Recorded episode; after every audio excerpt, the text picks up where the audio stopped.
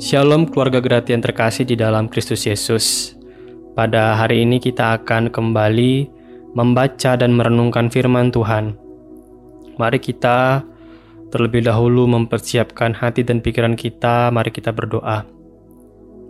Tuhan yang baik, kami bersyukur untuk kebaikan-Mu, di mana pada hari ini kami dapat kembali menikmati seluruh aktivitas kami, dan saat ini kami rindu untuk mendengar firman Tuhan, Pimpinlah kami ya Tuhan, supaya di dalam perenungan firman ini kami dapat memahami kehendak Tuhan dan menjadi para pelaku firman di dalam kehidupan kami sehari-hari.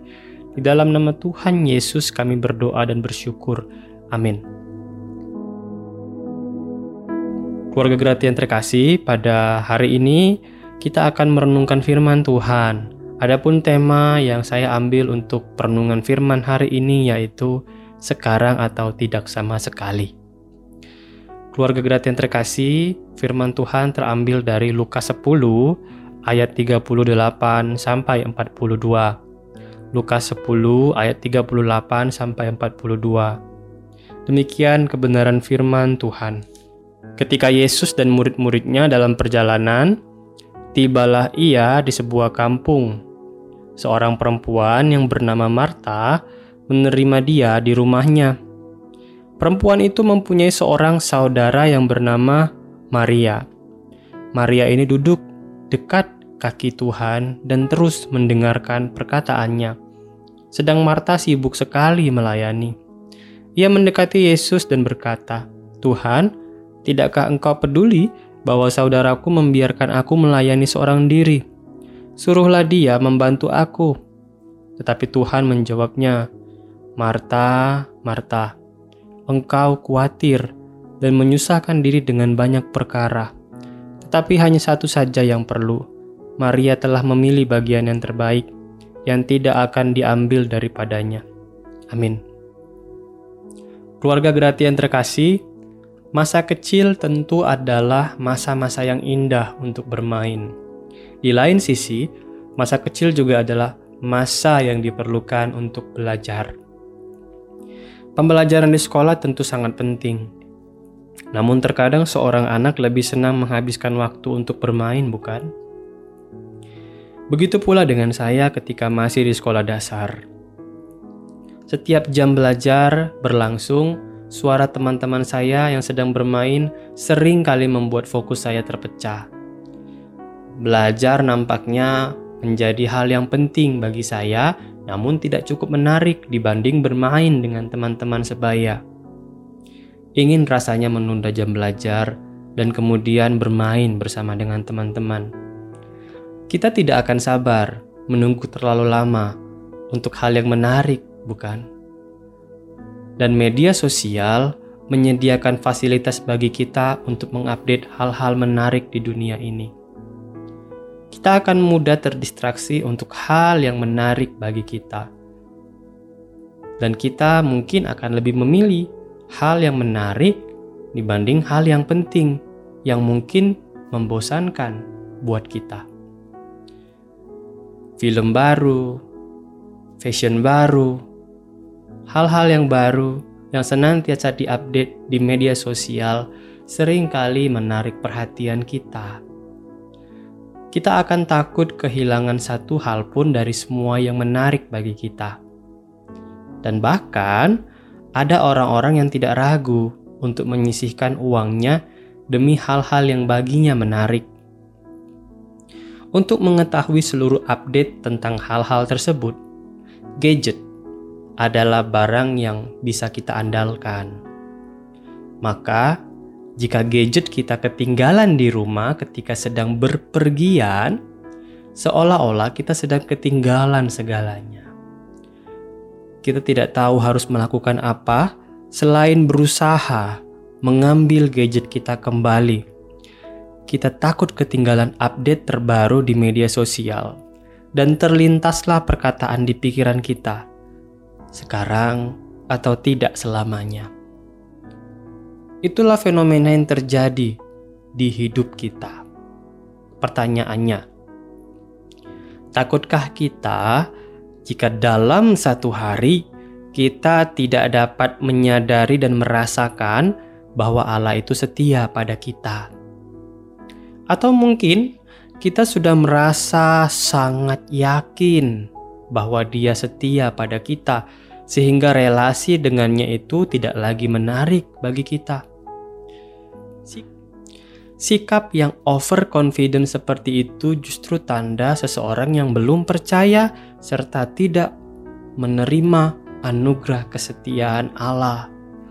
Orang yang seperti itu akan menerima hukuman maut yang kekal.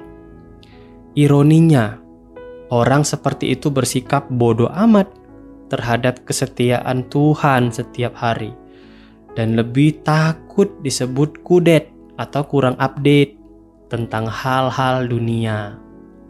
Padahal firman Tuhan berkata, "Tak berkesudahan kasih setia Tuhan, tak habis-habisnya rahmatnya, selalu baru tiap pagi, besar kesetiaanmu."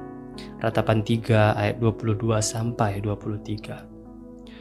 Nas tersebut, firman Tuhan itu seharusnya menyadarkan kita bahwa kesetiaan Allah tidak henti-hentinya berlangsung setiap hari bagi umat yang dikasihinya. Lalu, apakah ada kerinduan dari kita untuk menyadari dan merasakan kesetiaan Tuhan hari demi hari? Caranya tentu lewat relasi dengannya. Berdoa, merenungkan firman-Nya, bersekutu secara pribadi maupun berkelompok, Kemudian, dengan iman kepada Tuhan Yesus, kita akan merasakan kesetiaan yang Dia nyatakan bagi kita hari demi hari. Inilah yang akan kita lihat di dalam kisah tentang kehadiran Tuhan Yesus di tengah kehidupan Maria dan Marta. Pada ayat 38 sampai 40, Maria dan Marta menunjukkan sikap yang berbeda ketika menerima kehadiran Tuhan Yesus. Di satu sisi, Maria dengan penuh perhatian mendengarkan serta menikmati firman yang keluar dari perkataan Tuhan Yesus. Dan di sisi lain, ada Marta yang begitu sibuk dengan mempersiapkan makanan untuk disajikan kepada Tuhan Yesus. Keluarga Gratian terkasih, Kata sibuk merupakan terjemahan dari bahasa Yunani, yaitu periespato, yang secara harafiah memiliki arti terdistraksi atau terganggu. Ini berarti mungkin saja Marta sedang memiliki fokus yang lain ketika menerima Tuhan Yesus. Fokus Marta nampaknya terganggu dengan pikiran tentang bagaimana Tuhan Yesus akan memuji diri Marta ketika Marta kelihatan rajin. Itulah yang lebih penting dan menarik buat Marta. Marta tidak mengerti tentang apa yang lebih berarti bagi Tuhan Yesus, sehingga Marta berpikir bahwa Marialah yang justru melakukan hal yang salah di hadapan Tuhan Yesus. Maka Tuhan Yesus mengingatkan kepada Marta tentang apa yang lebih penting untuk dilakukan, pada ayat 41 sampai 42, Tuhan Yesus menegur Marta dan menyatakan hal yang jauh lebih berharga, yaitu mendengarkan kebenaran Injil. Injil adalah kabar baik tentang karya keselamatan yang sudah dinyatakan Allah sejak kekekalan, lalu digenapi dalam diri dan karya Tuhan Yesus. Pada Roma 1 ayat 16 sampai 17, Rasul Paulus pernah menjelaskan bahwa Injil adalah kebenaran Allah yang ketika diterima dengan iman akan memimpin seseorang kepada keselamatan sesuai dengan ketetapan Allah. Di dalamnya ada kebenaran bahwa Allah begitu setia pada umatnya sampai selamanya hingga rela mengorbankan dirinya. Hal itulah, semua hal itu menarik bagi Maria, sehingga Maria duduk dekat kaki Tuhan Yesus, layaknya seorang murid yang dengan tekun mendengar pengajaran dari gurunya. Berbeda dengan Marta, Marta sibuk melakukan pekerjaan yang tidak begitu penting bagi Tuhan Yesus.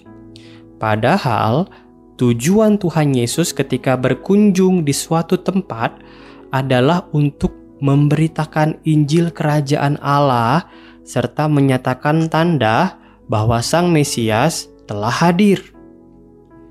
Tuhan Yesus tidak akan berlama-lama berada di rumah Maria dan Marta, sebab Dia harus berjalan lagi menuju tempat-tempat yang dikehendakinya untuk mengajar, menyatakan kebenaran Injil, dan menggenapi rencana keselamatan. Jadi, sayang sekali kalau Marta melewatkan kesempatan baik ketika Tuhan Yesus sendirilah yang menyatakan Injil di hadapannya. Marta seolah mengabaikan undangan untuk menyadari dan merasakan kesetiaan Allah. Marta lebih memilih mengerjakan hal yang tidak jauh lebih penting dibanding menerima Injil dari Tuhan Yesus. Baginya, pada saat itu, pujian yang fana adalah hal yang jauh lebih menarik. Namun, Tuhan Yesus menegurnya. Tuhan Yesus ingin agar Marta pun segera merasakan apa yang Maria nikmati, yaitu kebenaran Injil tentang kebaikan dan kesetiaan anugerah Allah yang kekal. Keluarga Gratian terkasih, bagi kita yang hidup pada masa-masa kini, kalau kita menunda-nunda waktu berelasi dengan Tuhan dan mengabaikan berita tentang kesetiaannya yang kekal, maka kita sama saja dengan mengabaikan undangan Allah untuk merasakan anugerahnya bagi kita. Jika demikian, Mungkin kita bukanlah salah satu orang percaya yang mendapatkan anugerah kesetiaannya yang kekal itu.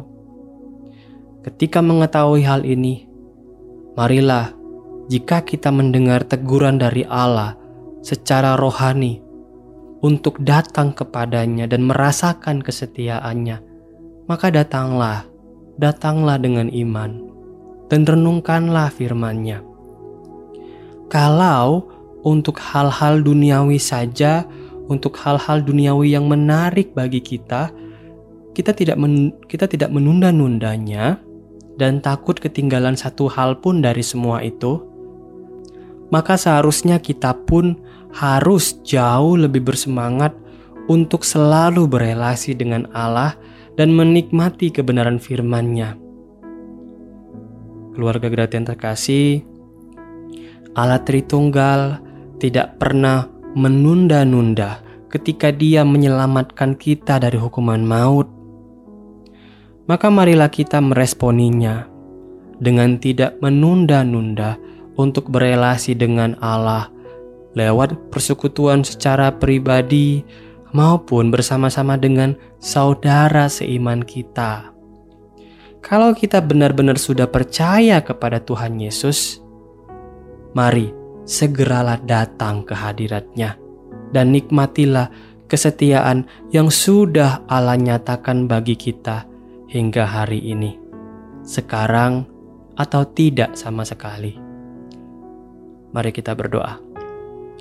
Tuhan kami kembali diingatkan bahwa kami perlu melihat apa yang jauh lebih penting bagi kami, terkhususnya bagi hidup kerohanian kami, yaitu Injilmu itulah yang jauh lebih penting dibanding segalanya. Kerohanian kami itulah yang jauh lebih penting untuk menciptakan suatu hidup yang berkenan di hadapan Tuhan. Biarlah apa pun yang kami kerjakan itu dapat sesuai dengan kehendak Tuhan dan semakin lagi meningkatkan pertumbuhan kerohanian kami, pertumbuhan iman kami di dalam Tuhan arahkanlah seluruh hal yang kami lakukan untuk semakin mendewasakan iman kami, sehingga kami dapat menjadi pribadi yang benar-benar memiliki karakternya Tuhan Yesus, dan kami boleh menyatakan kebenaran Injil di tengah lingkungan kami dengan penuh kasih dan kebenaran. Pimpinlah kami, Tuhan, untuk hidup seturut kehendak-Mu, supaya kami dapat memuliakan-Mu dan menyatakan kasih-Mu. Terima kasih Tuhan, Di dalam nama Tuhan Yesus kami berdoa. Amin.